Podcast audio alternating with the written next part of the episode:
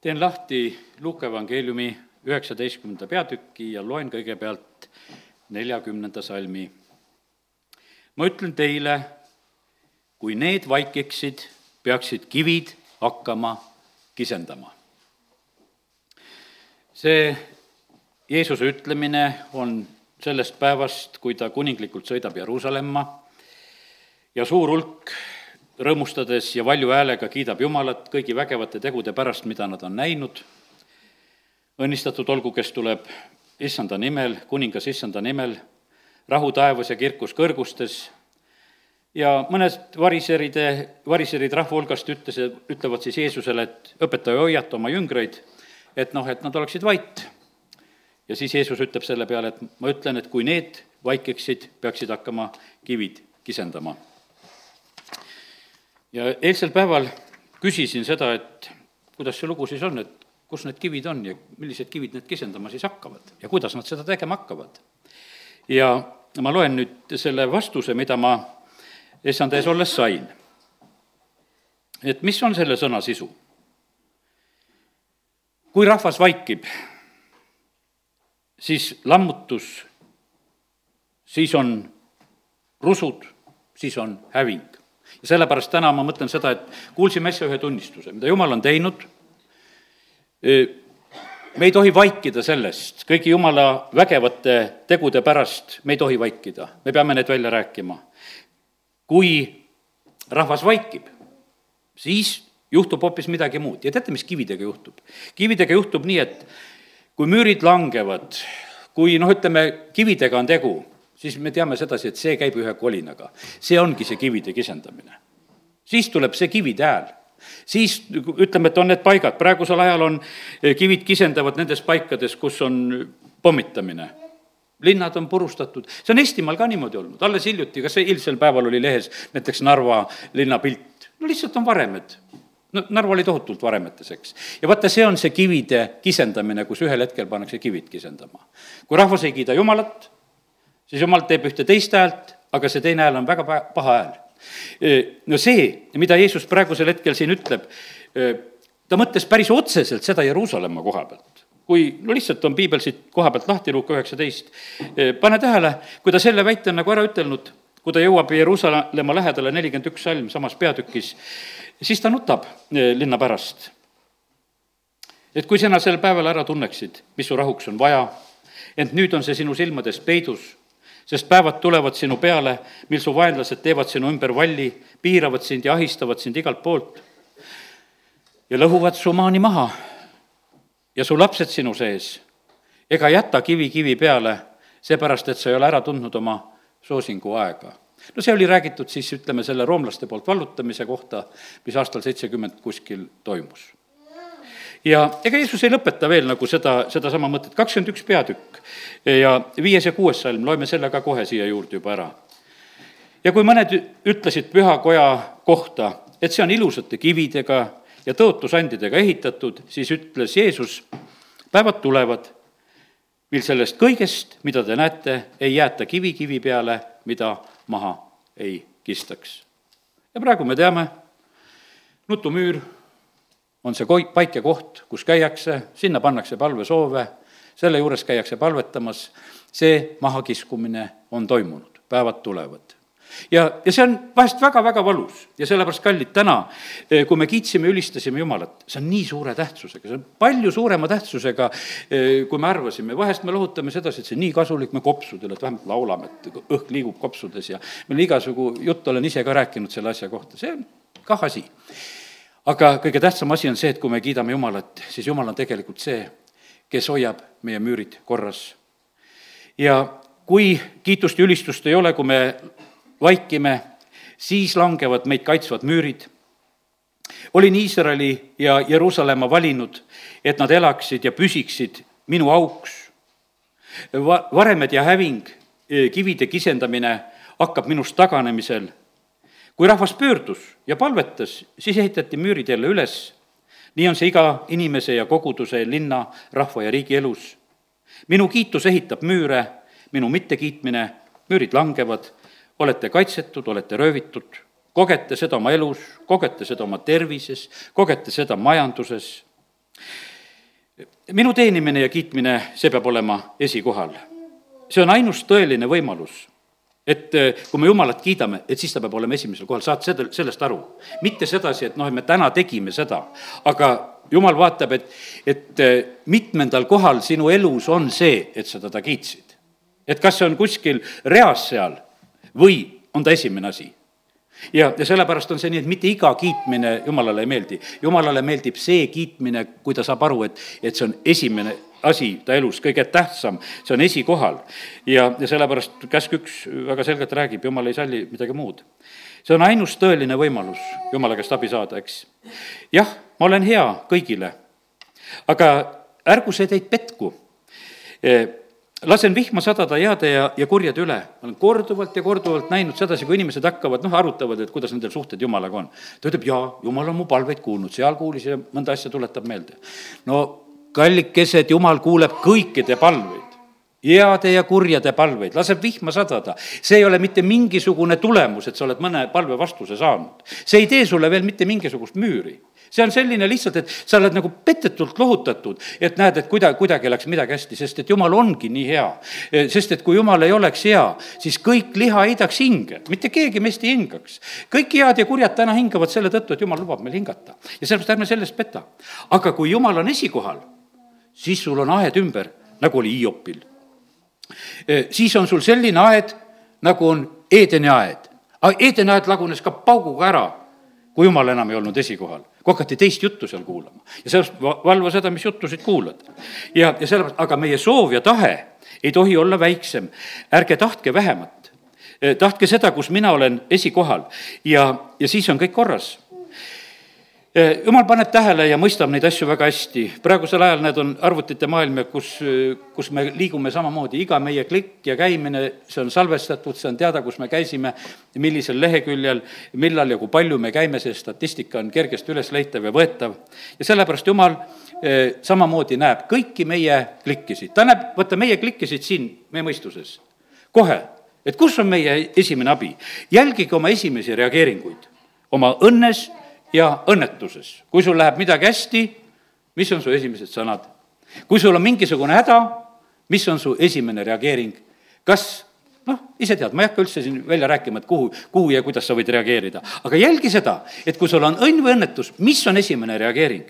sest see tegelikult äh, annab välja väga selgelt. ja eh, ainult minuga suheldes, äh, see tähendab just ka selliselt, kus issand on esimene, on teie hing vait. äratage mind rutem. see on sõna sellest, kui Jeesuse jüngrid on paadis, on torm ja, ja nad alguses proovivad ise ja kui paljud proovivad ise, muudkui kühveldavad, et ära jupuks, et ikkagi kuidagi vee peal oleks. aga issand ütleb, et äratage mind rutem ja tunnistage, et mina olen ainus ja iga torm vaikib teie elus kitsikusest pääseb välja mind kiites, nagu Joona kala kõhus. lugesin samamoodi seda, mida Joona seal kala kõhus tegi. Ja teen lahti selle koha ka, sest et sain eile selle sõnumi kirjutamise ajal nagu selle ülesande, et ma pean seda vaatama. Ja see on üheksasada nelikümmend üks lehekülg, ma täna kirjutasin lehekülje numbreid, et ma ise leiaksin kiiremini üles. Ja see on tänupalve eh, Joonal kala kõhus. kaks, kaks või kaks-kolm õigemini. ma hüüdsin oma kitsikuse sissanda poole ja tema vastas mulle. haua sisemuses ma hüüdsin appi ja sina kuulsid mu häält. ja ma ei võta rohkem, aga kümnes salm veel ka sealt. aga mina tahan ohverdada sinule tänulaulu kõlades. E, mida olen tõotanud, seda ma täidan, issanda käes on pääste.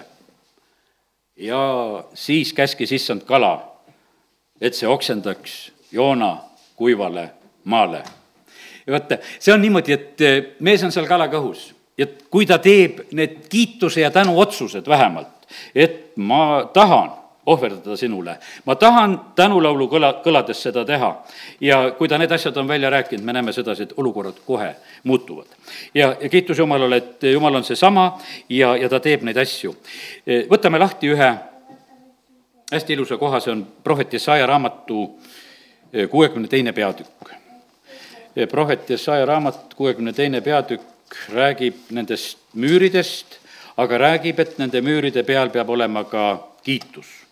ja, ja loeme siit salmist viis alates. sest nõnda, nagu noor mees näib neitsi, nõnda näivad sind su pojad. nagu peigmees tunneb rõõmu pruudist, nõnda tunneb su jumal rõõmu sinust. sinu müüride peal, Jeruusalemm, olen ma seadnud vahid kogu päeva ja kogu öö ei tohi nad hetkekski vaikida. issanda meenutajad, ärgu olgu teil puhkust. ärge andke temale puhkust, enne kui ta on rajanud Jeruusalemma ja seadnud selle maa peale kiituseks. pane tähele sedasi, et vaata, see kiitus ja tänu ööl ja päeval ei tohi vaikida ja, ja see tähendab seda, et vaata, kui see toimub, see ehitab müüre. kui sina näeksid seda, mis toimub sellel hetkel, kui sina Jumalat kiidad ja ülistad, et kuidas, kuivõrd see sind tegelikult kaitseb, oi, sa kiidaks palju rohkem palju-palju rohkem, sest aga vaata, see on meie silmadest on see peidus. aga põhimõtteliselt on see niimoodi, et, et see, see on reaalselt meie jaoks olemas vaimses maailmas nii tugevalt ja sellepärast need Jeruusalemma müürid ehitatakse just niimoodi üles eh, selle kiitusega ja see ei tohi nagu hetkekski vaikida. ja issand on vandunud oma parema käe ja oma tugeva käsivarre juures. tõesti, enam ma ei anna su vilja su vaenlaste roaks, ega saa võõramaalased juua su veini, mille pärast sa oled vaeva näinud, vaid kes koguvad, need söövad ja kiidavad issandat ja kes korjavad, need joovad mu pühama õuedus minge välja, minge, minge väravast välja, valmistage rahvale teed, sillutage, sillutage maanteed, puhastage kividest, tõstke rahvaile lipp. ja sellepärast, kallid, vaata, oh, see ei ole ainult meie vastutus, et meil oleks kuidagi hästi ja me oleksime müüride vahel. vaata, minge välja, see peab olema niimoodi, et rahvad saavad tulla Nad ei tule, osad on alles-alles ütelnud sedasi, no mis nendest kristlastest kasu on Nad on praegu ka veel ise haiged ja, ja no mis see jumala juurde tulemisest kasu on?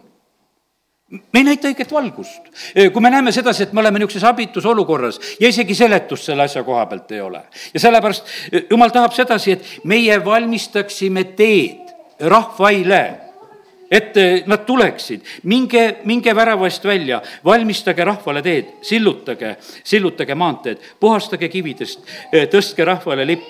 ja, ja nii, et pane tähele, kui tähtis on see lugu. Taaveti elus on üks selline periood, kus ta on põgenik ja koos oma kaaslastega ja, ja, ja siis on niimoodi öeldud Taaveti kohta, et et Taavet oli koos oma meestega nagu üks müür, kui ta elas seal selle Abigaili ja Naabali lähedal. ja ühel päeval, kui eh, Taavet ütleb, et ta tahaks natukese Naabali käest saada midagi oma meeste jaoks, et toitu ja mõne, mõned elementaarsed asjad, mida ta vajab, siis Naabal keeldub sellest.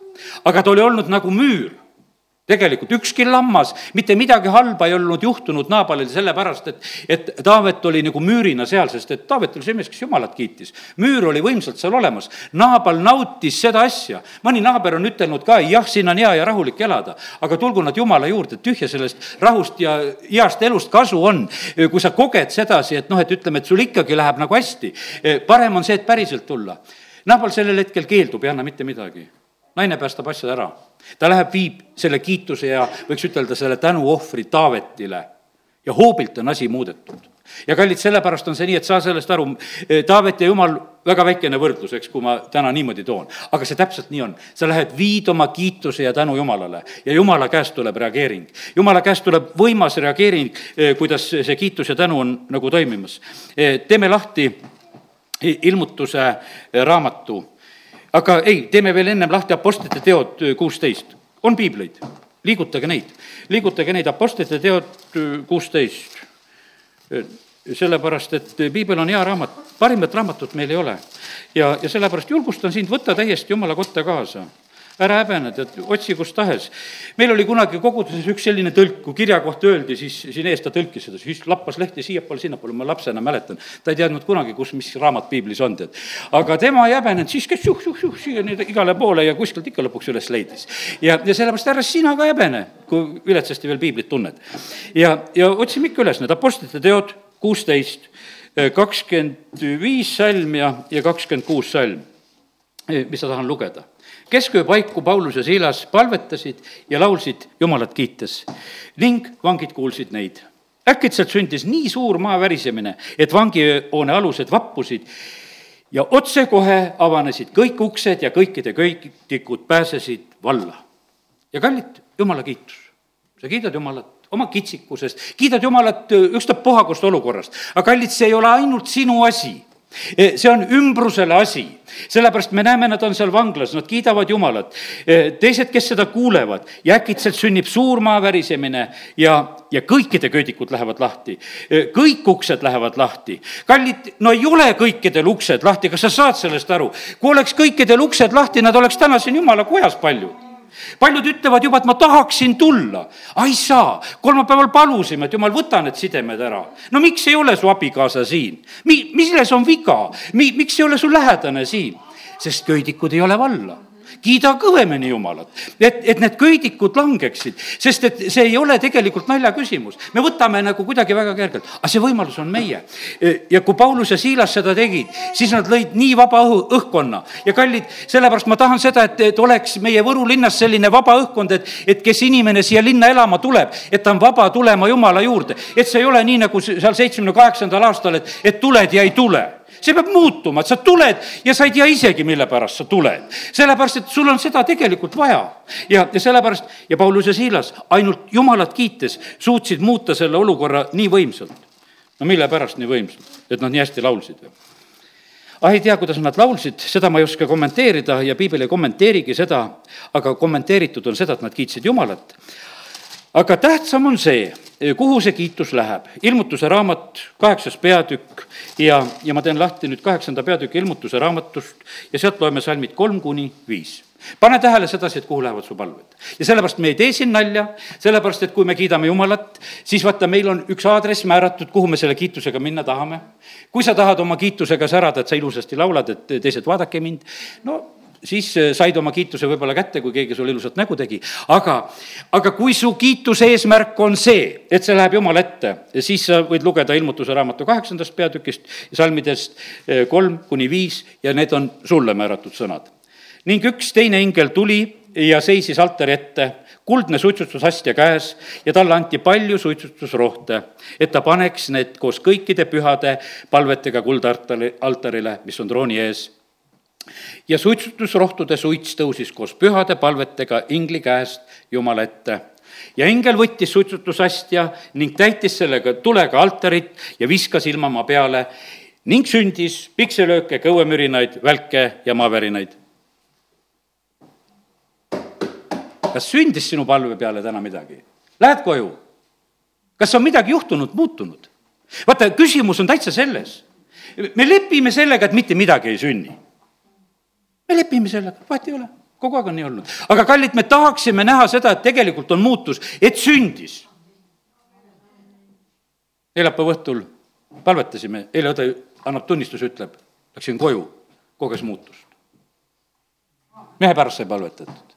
ja sellepärast, kallid, meil on vaja sedasi, et, et, et see läheb sinna, mitte meie ei muutnud, aga see pikselöök tuleb sealt see tuleb sealt ja, ja sellepärast, kallid, see kiituse ja ülistuse tähtsus, täna ma räägin sulle endale müür. aga lihtsalt, kui sa kiidad ja ülistad Jumalat, see muudab ümberringi. ma saan aru sedasi, et, et osad tukuvad ja ei saa sellele asjale praegu absoluutselt pihta. aga jumal, ma palun lihtsalt praegusel hetkel, tõuseme, palvetame üks hetk, et, et see jõuaks kohale, sest et isa, ma tänan sind, et me võime praegusel hetkel rääkida sinu kiitusest ja ülistusest. ja jumal, ma ei taha seda, et see lihtsalt läheks tühja. jumal, sa oled andnud selle sõna sa tahad, et meie endi kaitsemüürid oleksid üles ehitatud, et me võiksime elada nii kui Hiiub seal kaitstud aias või nagu, eh, nagu Eedeni aed oli, mille sa inimesele lõid. jumal, me täname sind, et me võime seda paluda. aga isa, me täname sind, et me võime täna paluda seda ka, et meie kiitus ja meie ülistus on täna selline, et see muudab, et see toob aastal kaks tuhat üheksateist inimesed sinu juurde. jumal, et me täna võime juba näha seda, kui me oleme sind kiitnud ja ülistanud, et midagi on muutunud. isa, me täname sind, et, et sina oled see, kes sa tegelikult teed. Isa, me räägime täna, et las lähevad need köidikud lahti, kes ei tule veel jumala kotta. tulgu need abikaasad, tulgu need lapsed, tulgu need lapselapsed, tulgu need kõik, kes peavad jumal sinu juurde tulema. isa, me täname sind, et me võime seda paluda Jeesuse nimel. amen. ütle kõvasti amen. amen, istu nüüd. halleluuja. sest et vaata, jumal läkitab oma sõna ja, ja see, see on selleks, et me selle järgi teeksime, et me sellest ka selle tulemuse tegelikult kätte, kätte saaksime. ja, ja selle, vaata, jumala lapse elus on niimoodi, et me tuleme Jumala juurde, meil on kohutavalt hea meel, me saime päästetud, me saime vabaks, ütleme, kes me tuleme võib-olla vahest väga sügavalt ja väga halb on see elu ja ja, ja siis me saame. siis juhtub ühel hetkel, et meil läheb ju päris hästi siis juhtub nii, et, et meil on niisugune teatud turvaline tunne, et kuule, et jumal juba täitsa õnnistab ja aitab ja meil juba palju paremini, need tööl läheb hästi ja seal läheb hästi ja tööle saan ja hea töökoha saan, isegi oma tingimusi saan ütelda. sa koged, koged, koged, et sa saad palju asju juba nagu paremini kätte, nii nagu täna tunnistusest ka kuulsime. ja siis juhtub selline, siis võib juhtuda selliselt, et me läheme kergelt nagu teatud mõttes nagu kindlaks ja lõdvaks Lähme kindlaks ja lõdvaks, et kuule, et see nii ongi. ja et me võime juba ise hakata kuidagi elu elama ja, ja siis võib juhtuda sedasi, et me teeme täiesti valesid valikuid, eh, hakkame te tegutsema nii, nagu ta tarvis ei ole. üks võib-olla selline eh, tänane peamine kirjakoht, mida tahan lugeda, on täna nüüd teise ajaraamatu eh, kahekümnes peatükk ja mitte ainult kahekümnes, vaid ütleme, Joosafati lugu tahan täna lugeda. ja, ja sellepärast katsu nüüd kaasas olla, ma võtan täna pikemalt seda. Joosafati loo koha pealt ma usun, et enamus meist teab seda, et, et Joosafat oli see, kes seadis kiitjad ette ja sellepärast oli võit.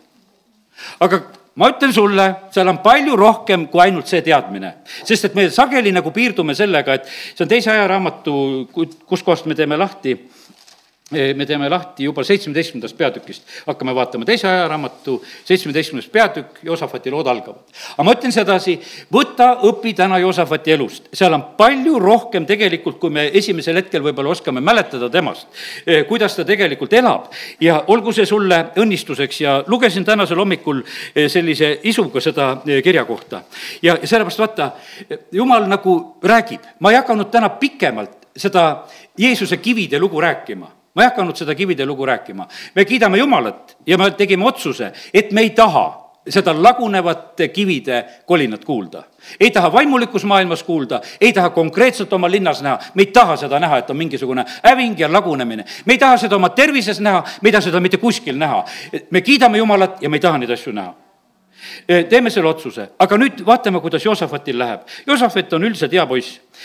kui siis ta on Aasa poeg ja, ja nüüd on niimoodi, et kui tema saab kuningaks, eh, siis ta kindlustab Iisraeli eh, väga tuge-, juudat kindlustab Iisraeli vastu, seal on omad probleemid omade vahel. Ja kolmas salm, eh, loen sellest, ja issand oli Joosafatiga, sest ta käis oma isa Taaveti varasematel teedel ega otsinud Paale, vaid otsis oma isa Jumalat, käis tema käskude järgi ega teinud nagu Iisrael issand kinnitas tema kuningriigi siis, eks, issand kinnitas kuningriigi tema kätte ja kogu juuda tõi Joosafatile ande. issanda teedel olles oli ta süda julge ja peale selle kõrvaldas ta juudast veel ohvrikünkad ja viljakustulbad. oma valitsemise kolmandal aastal eh, siis, mis ta teeb? Eh, ta läkitab oma linnadesse õpetama jumala seadust kolmandal valitsemisaastal ta teeb sellise käigu, et õpetab jumala sõna. ja sellepärast, kallid, kes me oleme ka piiblikoolis, vaata, õpetus on niivõrd oluline ja tähtis ja, ja kes me käime koguduses ja õpime, see on niivõrd tähtis asi. Need õpetasid, üheksas salm, õpetasid Juudas ja nendel oli kaasas issanda seaduse raamat ja nad käisid läbi kõik juuda linnad ja õpetasid rahvast. Nad tegid seda, nad õpetasid rahvast. ja vaata, mis juhtus selle tõttu, et, et rahvast õpetati ainult hirm valdas kõiki juuda ümberkaudsete maade kuningriike ja need ei sõdinud enam Josafati vastu. no saad sa sellest asjast aru, kuidas see käib? sina loed piiblit, tunned seda paremini. hirm valdab teisi. seda teeb Jumal. see, see ei ole meie, see ei ole meie pädevuses, see ei ole üldse meie asi. aga Joosafat tarvitab lihtsalt ühte võimalust, ta õpetab lihtsalt rahvast, meie õpime sõna ja teiste peale tuleb hirm. kiitus Jumalale. ja nad ei sõdinud Josafati vastu. võida lahingud töö juures, võida lahingud, kus sul lahingud on, kus on sul tegemist. õpi Jumala sõna ja vaata, kas võidad ära loe jumala sõna. eile õppisime seda, et kui tahad, et on hea uni, tead, loed jumala sõna ja seal oli mõni haigus oli veel selline, kus on otseselt öeldud, et jumala sõna rohtu pead võtma, et, et loed seda, see tuleb sulle õnnistuseks. aga näed, lahingute võidud samamoodi tulevad selliselt, sa lihtsalt õpid jumala sõna. ja sellepärast, kallid, ma ütlesin sedasi, et mitte ainult kiitjad, ülistajad, vaid õpi jumala sõna. õpime Joosafatist seda ja vaata, mis veel on. kas sa seda tahad, mis on seal üheteistkümnendas salmis? Ja vilistide poolt toodi Jo-, Joosafetile ande ja rahamaksu. raha vast on kellelgi, tõsta käsi püsti. aga vaata, vilistide poolt toodi Joosafatile ande ja rahamaksu. isegi araablased tõid temale lambaid ja kitsi. seitse tuhat seitsesada jäära ja seitse tuhat seitsesada sikku ma ei teagi, miks nad see seitse, seitse, seitse nendel pidi olema, araablastel, aga miskipärast oli. aga vahet ei ole, päris palju tõid teised, eks, ja, ja sellepärast. Ja Joosafat sai üha vägevam, vägevamaks ja ehitas Juudasse kindlustatud paiku, tal olid suured tagavarad. Ja siis on räägitud tema nendest sõjameestest ja teenistussalkadest arvuliselt kolmsada tuhat ja kakssada kaheksakümmend tuhat ja, ja, ja sellised suured numbrid mitmes paigas, kus tal olid. ja, ja Joosafatil kaheksateist peatükk räägib sedasi, et on palju rikkust. ja siis tuleb üks natukese halvem sõna sisse. ta saab Ahapiga languks. ma sellest rääkisin, sa oled päästetud. sul läheb hästi sa lähed tugevaks. vilistid toovad sulle ande, araablased toovad sulle, sul kõik läheb hästi. ja siis ühel päeval ta saab Ahabiga languks. me teame kuningas Ahabist, ma usun sedasi, et kes sa juba Ahabi sõna kuuled, no kes oli Ahabi naine? Iisabel oli, tead, ei, ei tasu sõbrustada eriti, eks. ja, ja vaata, sealt on juba, näed sedasi, et kuule, et üks niisugune halb asi hakkas liikuma. kallid, palvel, ega su elus midagi halba ei liigu sul läheb hästi, sa oled tugev, sa tunned, et sa oled kindlustatud, sa oled nagu, nagu kõiges nagu tugev ja hea. ja siis, kui sul on palju rikkust ja au ja siis ta saab Ahabiga languks. ja mõne aasta pärast, loeme edasi, läks ta siis Ahabi juurde alla Samaariasse, Ahab tappis palju lambaid ja kitsi ja veiseid temale ja rahvale, kes olid koos temaga, ja õhutas teda minema üles Gileadi raamatusse ja vaata, kuule, kallikesed, mis juhtub. sa võid sattuda väga kergesti Ahabi plaanidesse. noh, saad languks, hakkad sõbrustama ja tead, kellega sa sõbrustad? varsti sa teed tema plaane. paraku see elu niimoodi on. tema midagi teeb, näed, katab kõvasti lauda, tohutu selline armas vastuvõtt, mõtle, kui armas, kui tore, aga sealsamas kuningas Ahab hakkab siis nüüd rääkima Joosafatile, kuule, et lähme sõdima, lähme sinna Gileadi raamatusse ja mul on omad plaanid ja, ja ta õhutab, et tule sina ka, tule sina ka. ja pane tähele, kuidas tegelikult Joosafat reageerib kiiresti, ütleb kolmas salm. Iisraeli kuningas eh, siis Ahab küsib juuda kuningalt Joosafatilt, kas sa tuled koos minuga Gileadi raamatus äh,, raamatisse? vaata, sa saad paukküsimuse, kas tuled? ja vaata, kui ilus vastus. niimoodi, et meie ma ei tea, kuidas me seda piiblit tsiteerime vahest, meile sobib see teda abielu teemadesse igale poole, vaata kui ilusasti kuningas Joosafat vastab, ütleb, nii nagu sina, nõnda mina, nagu sinu rahvas, nõnda ka minu rahvas, ma tulen koos sinuga sõtta. ah tühjad, et ma niisugust salmi küll eh, laulatuse juures eriti eh, lugeda ei taha, sellepärast et vaata, see on nii, nii vale moodi on see välja räägitud, see on nii ilus, nii nagu sina mina ka, nii nagu minu rahvas, sinu rahvas, kõik me teeme, me oleme nii ühel meelel, me muudkui tuleme, läheme. ma tulen koos sinuga sõtta. tead, kiitus Jumalale, et meil on südametunnistus.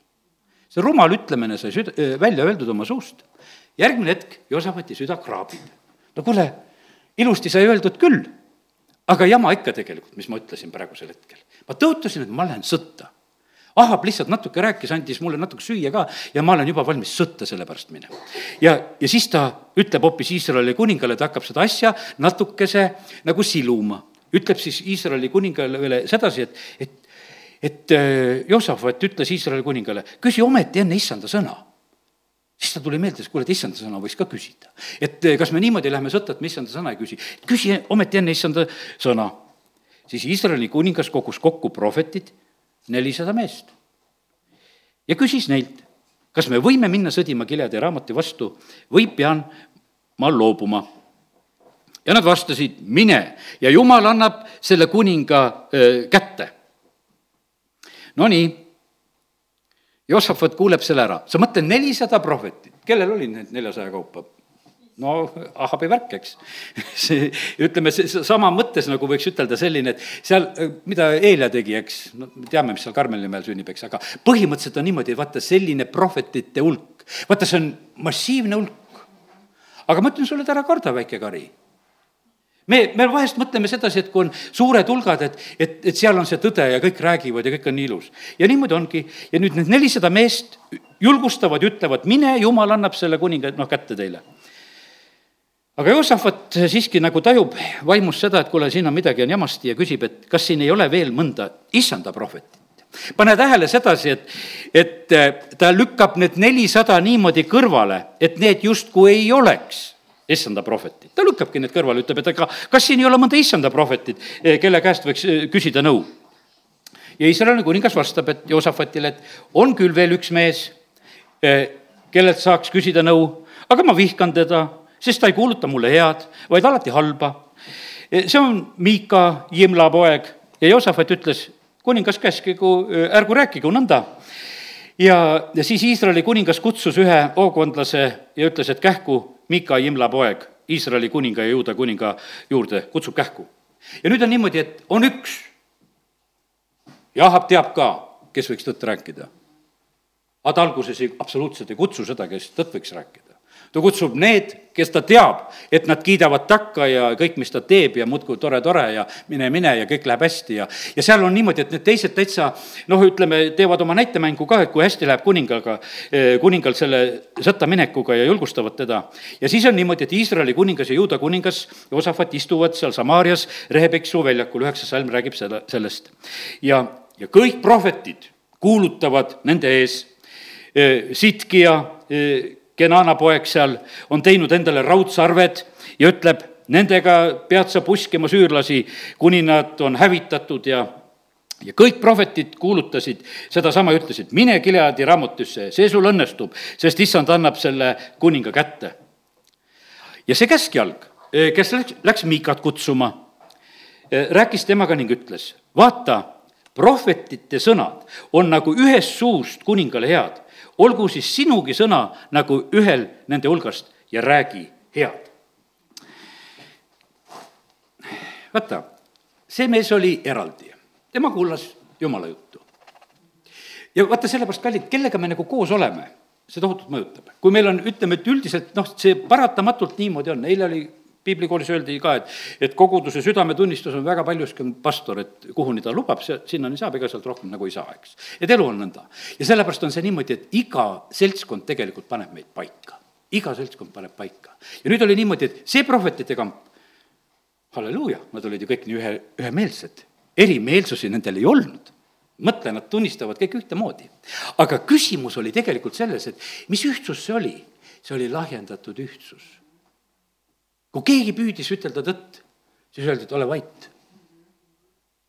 meie arusaam on nii, me kogeme seda riigis, me kogeme seda üldse ellu suhtumist, me kogeme kõikjal seda, muudkui pannakse, et, et vaata, nii peab aru saama, nii peab mõistma. Ja kui te nii ei mõista, siis te olete valed ja mis te olete igasugused vastuhakkajad ja mis iganes. ja see prohvetite kamp oli hästi ära õpetatud, see oli hästi ära õpetatud, aga kallid, ma tahaks soovida sedasi, et me ei oleks niimoodi ära lahustatud ja sellepärast ma ütlen, et ma, me kogudusena ka, me oleme teistmoodi kogudus selles mõttes, me oleme suhteliselt palju üksinda, sellepärast, aga ma usun sedasi, et jumal saab palju rohkem rääkida selle tõttu, sest et sa lähed ja sa oled selles ühtlustatud kambas, sa lihtsalt lahustud, sa pead võtma vastu selle kõik, mis on. ja see mõjub paratamatult, ma ei tea, kallid, võtan selle vastutuse enda peale, võib-olla olen nii nõrk mees, et, et liiga kergesti mõjutatav ja sellepärast võib-olla ei saa.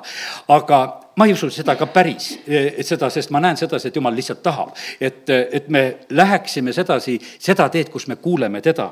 ja nüüd on niimoodi, et ja vaata, kutsutakse seda no ma lähen ka vahest teise kohta jutlustama, mõnikord öeldakse umbes ära ja, ja see on sageli vahest selline, kus antakse nagu märku, et, et noh, kui palju ja kuidas ja noh, sa peadki tegelikult kuulut-, kuuletuma ja ja, ja lähedki teistesse paikadesse ja teed seal ja, ja siis ma olen vahest vaadanud, kuule, ma teistes paikades jutlustada ka ei oska, seal ei tule üldse jutlust väljagi, seal on nii, et räägid, räägid midagi seal ja, ja tuled tagasi. aga, ja nüüd on niimoodi, et Mikale tahetakse samamoodi selgeks teha, et aga tead, kõik räägivad hästi, tule räägi sina ka täna kuningale hästi. Ja no Miika vastab sellele käskjalale, ütleb sedasi, no nii tõesti, kui issand elab, kolmteist salm. mina räägin, mis jumal ütleb. kui ta tuli kuninga juurde, siis kuningas ütles temale, Mika, kas me võime minna sõdima Gileadi raamati vastu või pean ma loobuma? ta vastas, minge ja teil õnnestub see, sest nad antakse teie kätte. ta ütleb täpselt seda, mida need kõik nelisada ütlesid. ja kuningas, siis ütleme, see Ahab saab täitsa sellest asjast aru, et vaata, mis jama siin praegusel hetkel on. ja ta ütleb, aga kuningas ütles temale, mitu korda ma pean sind vannutama, et sa ei räägiks mulle muud kui ainult tõtt issanda nimel. sest ta sai aru sedasi, et selle jutu esimese hooga Mika tuli ja ütles pilgates, seda juttu tahtsite, saite selle jutu, mine sõdi, mine sõdi, küll tappa saad seal, eks. ja, ja aga ta ütleb küll, et näed, antakse su kätte, tead, eks. Nonii, ja, ja nüüd, kui kuningas eh, nagu reageerib sedasi, et ma tahaksin tõtt kuulda, siis Mikk hakkab rääkima, siis ta ütles, ma nägin kogu Iisraeli ajali olevat mägedel nagu lambad, kellel ei ole karjast jah, issand ütles, neil pole isandaid, igaüks pöördugu rahuga koju.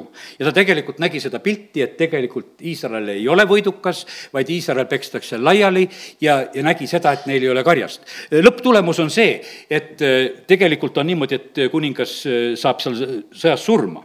Ja, ja sellepärast äh, las need lood olla, mis edasi tulevad, aga sellel hetkel nüüd on nii, et ta ütleb selle tõe nagu välja. No ja siis Iisraeli kuningas ütleb Joosafatile, et eks ma öelnud sulle, ta ei kuuluta mulle head, küll aga halba. Mika ütles, seepärast kuulge issanda sõna, mina nägin issandat istuvat oma aujärjel ja kogu taeva sõjaväe seisvat temast paremal ja vasakul pool. ja, ja seal on üks selline võib-olla meie jaoks nagu arusaamatu lugu ja, aga sa võid lugeda seda, et seal on seda, et, et kes ahvatleks äh, Mikat või seda Ahapit äh, valele teele ja, ja seal on niimoodi, et see vale vaim, kes on prohvetite suus, tegelikult see, kelle neljasaja suus, äh, noh, ütleme, et teebki seda, noh, ütleme, siin on see jutt välja räägitud ja kui ta räägib sellist juttu, siis astub kakskümmend kolm salm, astub see ligi üks sitk ja üks see valeprohvetite hulgast.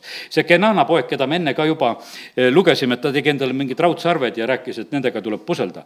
ja, ja ta lööb Mikat põse pihta ja küsib, missugust teed on issanda vaim minust läinud äh, sinusse rääkima ja no omad küsimused. ja Mika vastas, vaata, sa näed seda päeval, kui sa pead minema kambrist kambrisse, et ennast peita. ja nüüd on nii, et teate, mis tuleb tõerääkija tulemus? pange ta vangikotta, toitke teda hädapäraselt leiva ja veega, kuni ma rahuga tagasi tulen.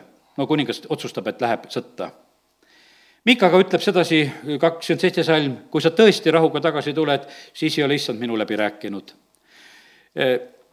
Iisraeli kuningas, mida ta sellel hetkel teeb? Iisraeli kuningas sellel hetkel maskeerib ennast, ta paneb, võtab kuningariided ära, nad istusid ennem seal ju kuningalikud riided seljas, istusid seal Samaria sellel rehepeksu väljakul, siis ta võtab oma riided ära, kuninglikud, ta paneb ennast maskeer-, maskeeritult vali-, selle lahingu jaoks valmis ja läheb ja nüüd on niimoodi, et aga kuningas Joosafat läheb kuningliku riietusega. Ja kuningas Joosafat on vaenlasele kohe sihtmärk, kui nad näevad ühte kuningat seal. Ja nad hakkavad taga ajama. Ja sellepärast, et Süüria kuningas ütles sedasi, meil ei ole mitte muud vaenlast, kui ainult see kuningas Ahab, võta teda tahame kätte saada. mit-, mitte kellegi teise vastu ei ole tähtis meil sõdida, üksnes see mees on vaja kätte saada. ja nüüd on nii, et tegelikult aetakse Joosafati taga. Ja ja Joosafat, kolmkümmend üks salm räägib sellest, et hakkas kisendama sest ta nägi sedasi, et, et sõda tuleb tema vastu, no ise ronis sinna, läks sinna, läks koos selle, sinna sõtta. Ja nüüd ühel hetkel on niimoodi, et Iisraeli kuningas on maskeeritud ja juuda kuningas on oma uhkes riietes ja, ja tegelikult kõik tulevad tema peale. Joosafat hakkab kisendama. Ja kui kisendad, kisenda ikka vahest issand aitas teda. Ja jumal meelitas nad tema kallalt ära. lihtsalt karjud, hüüad appi. Ja ta jätkub sellest, no Joosafat vähemalt ikkagi, ta oli hea poiss, ta ikkagi teadis sedasi, et kui jumala poole hüüad, siis midagi juhtub hästi ja, ja sellepärast kiitke Jumalat. vaata, kohe hakkasid müürid tulema, miskipärast? Süürlased enam teda taga ei aja. ja kui sõjapealikud, siis sõjavankrite pealikud seda näevad, et ta, see ei olnudki Iisraeli kuningas, siis nad pöördusid ära tema kan-, kannult aga mis läheb Ahabiga? Ahabiga läheb ju see, et huupinool tabab teda. sa võid maskeerida küllast, küll ennast. huupi kivi, võiks ütelda, tapab koljati. Taavet lihtsalt lingutab, no palju sa linguga sihid, eks. võiks ütelda huupi kivi, aga need ei ole huupi asjad, jumal juhib. ja, ja sellepärast on see nii, et Jaahab äh, tegelikult saab haavata ja ta sureb ja päikeseloojaku ajal siis ta juba surnud ja, ja nii ta on. Noh, Josafat tuleb koju tagasi ja üheksateist peatükk räägib sellest, äh, talle tuleb vastu seal üks, äh, kes teda noomib läks nägija Jehu, Hanani poeg, temale vastu, teine salm, ja ütles kuningas Josafatile, kas sa tohid aidata õelat ja armastada neid, kes issandat vihkavad? seepärast on su peal issanda viha. sest ta oli, vaata, tal oli hästi läinud, tal oli väga hästi läinud, ta oli tugevdanud, vilistid tõid, araablased tõid, kõik oli hästi. ja siis ühel hetkel tahad olla Ahabiga languks. ja nüüd on niimoodi, et sa nagu kaotad ja teda noomitakse, kas sa tohid õelat armastada ja, ja ühesõnaga ja teda aidata ja need, kes vihkavad issandat, seepärast on issanda viha su peal. ja ta saab väga otsese, mitte pika noomituse, sest Joosafat mõistab, paistab üsna lühikest sõna. ja ometi leidub su juures ka head, sest sa oled maalt kõrvaldanud aserakujud, oled oma südant valmistanud Jumalat otsima.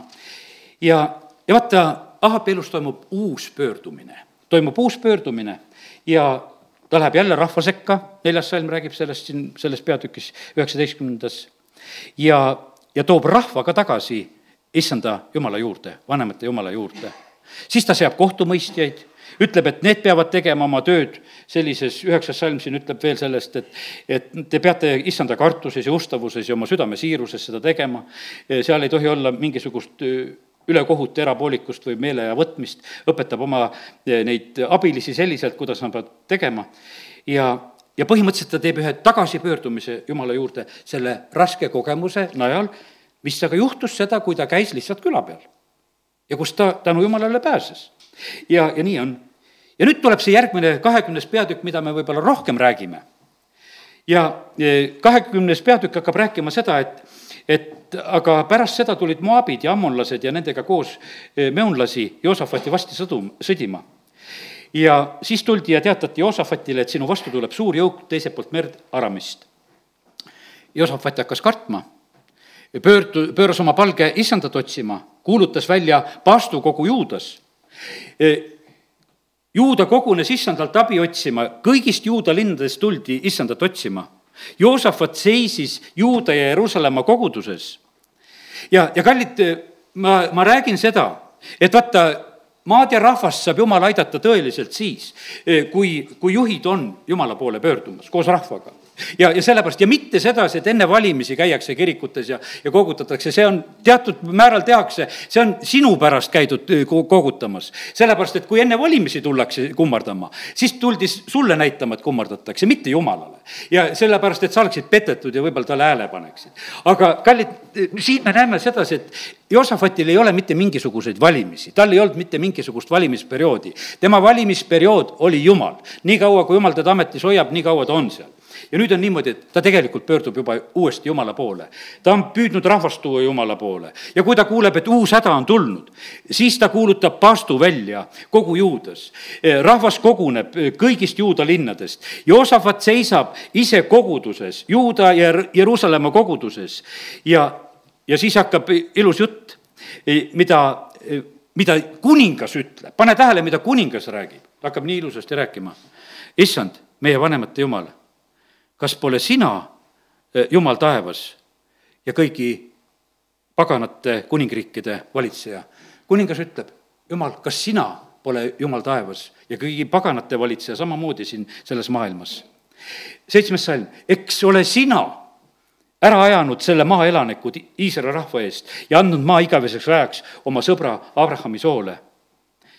Eh, nemad, siis ta räägib rahva kohta, on seal ehitanud eh, sinule siis selle pühamu sinu nimele. ja Saalomoni ajal oli see tõotus ju, et kui tuleb mingi õnnetus või mõõk või kohus või katk või nälg ja kui siis me astume selle koja ette ja sinu ette ja selles kojas, kus on sinu nimi ja me hüüame sinu poole oma kitsikuses, et sa meid kuuleksid ja aitaksid. ja nüüd vaata, Amnoni, Moabi ja Seeri mägestiku pojad, kelle maast sai lubanud Iisraeli läbi minna, kui nad Egiptusest tulid välja, vaid pidid neist mööda minema, on saanud, ega me ei saanud neid hävitada, ta räägib seda, tollel korral jumal lihtsalt keelas, nad pidid ringiga minema neist mööda. ja nüüd nad on tegelikult nende poolt ohustatud. vaata, need maksavad nüüd meile kätte, tulles meid välja ajama sinu omandist, mille sa meile oled andnud. meie Jumal, kas sa ei tahaks nende üle kohut mõista? sest meil pole jõudu selle suure jõugu ees, kes tuleb meile kallale, sest me ei tea, mida peaksime tegema, vaid meie silmad vaatavad sinu poole. kuningas lihtsalt ütleb sedasi, et me oleme praegu tupikseisus.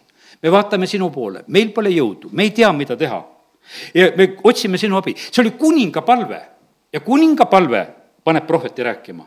Ja issanda vaim tuli Jahiseli Sakara poja peale ja siit tulevad edasi sõnad. pange tähele kogu Juuda ja Jeruusalemma elanikud ja kuningas Joosafat. nõnda ütleb issand, ärge kartke ja ärge tundke hirmu selle suure jõugu ees, see pole teie, vaid jumala sõda. minge homme alla nendele vastu, seitseteist salm, seejuures ei ole vaja teil sõdida, astuge hetke, seiske ja vaadake, kuidas issand teid päästab minge homme nende vastu, issand on teiega, salm lõpeb.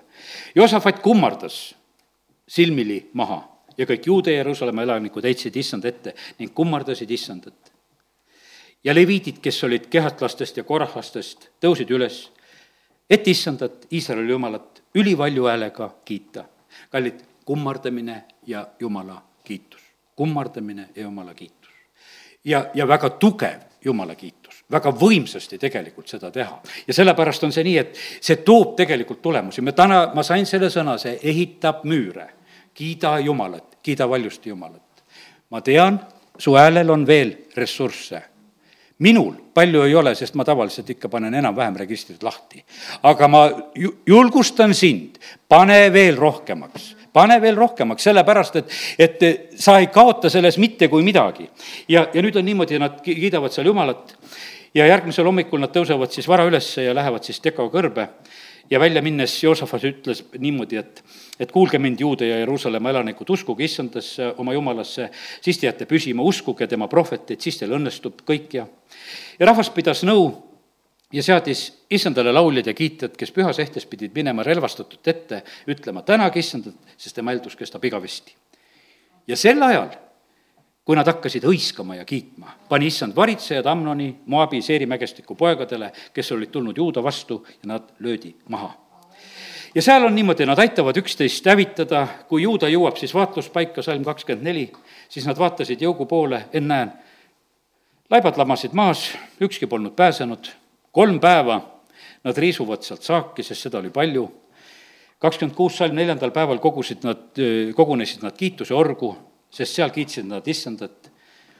ja selle nimi, selle oru nimi ei olnud kiitusorg ennem, see nimi tuli siis, et nad kiitsid sellel korral Jumalat.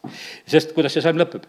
seepärast nimetatakse seda paika kiituse oruks.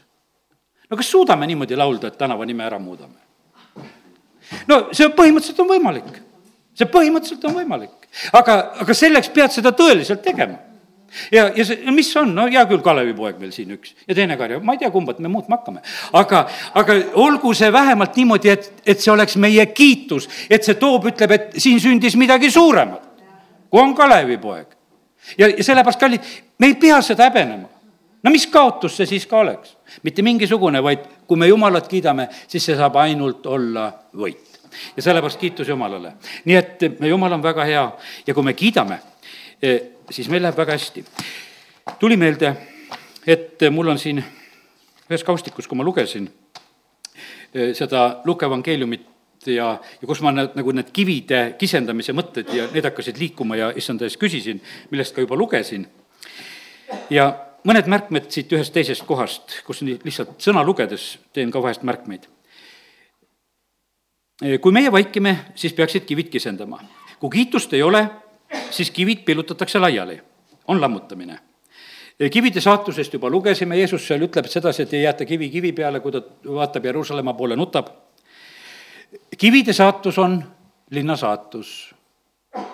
kivide saatus on linna saatus kas Võrus on kive? hästi palju väikseid kive pandi alles.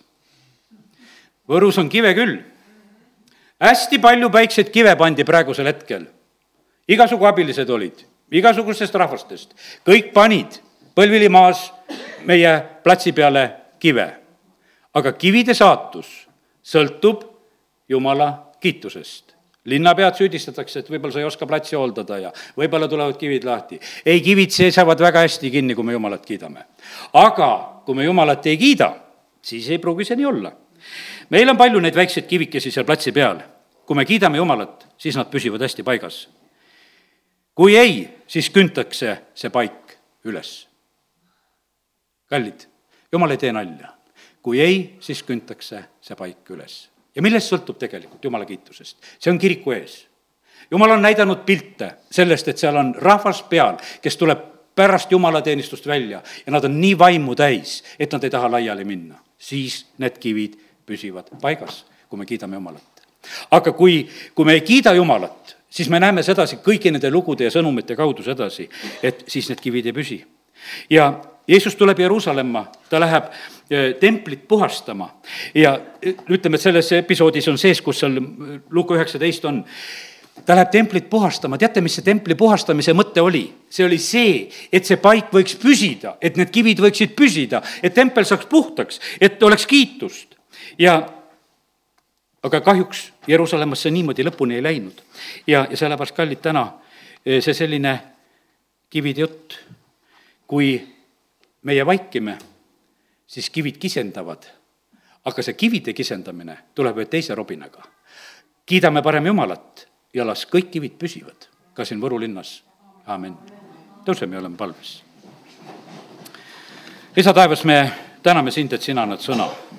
isa, me täname sind, et me võime nagu näha, mida sina oled tegemas ja jumal, sa lased nagu nendel tähendamise sõnadel sündida otse meie silmade ees jumal, sa ütled, et on aeg kive koguda ja on aeg ehitada ja, ja on aeg müüre püstitada ja tehakse neid asju. me täname sind, Jumal et me tohime täna olla need, kes me tahame olla siin selles linnas, sind kiites ja ülistades, et see linn võiks püsida. Isa, me tahame niimoodi kiita ja ülistada, et meie pered püsiksid, et me pered ei laguneks, et me abielud püsiksid. isa, me tahame sind kiita ja ülistada, eh, siis see aitab. isa, me tahame kiita ja ülistada nii, et eh, me laste ja lastelaste käsi võiks hästi käia. isa, me tahame nii kiita ja ülistada sind, et meie maamajanduse käsi käiks hästi. jumal, me täname sind, ei aita need mingisugused üksikud protsentide muudatused siia ja sinna poole. kõige paremini aitab see, kui see rahvas, kes me oleme siin, hakkame, Jumal, sind kiitma. Jumal, me täname sind, et me tohime täna seda armu lihtsalt paluda. isa, kiituse, tänu ja ülistus sulle. ja me täname sind, Jumal, et iga kord, kui me tuleme su kotta, sa tegelikult oled rääkimas. ja isa, ma palun seda, et, et see sõna, mida me oleme täna saanud, et see ei läheks kuidagi lihtsalt kaduma, eh, vaid et me oleksime need alati, kes me sind kiidame, kes me kogu südamest kiidame, esimeseks kiidame, eh, valjult kiidame ja me täname sind, Jumal, et, et sina tasud, tulevad palvevastused, tulevad võidud, eh, vaenlased vaikivad ja lähevad ära. isa, me täname, kiidame, ülistame sind, et sa oled pannud meid siia eh, vahipostile siin Kagu-Eesti nurgas, et kes me võime olla sinu kiitjad ja ülistajad. amen.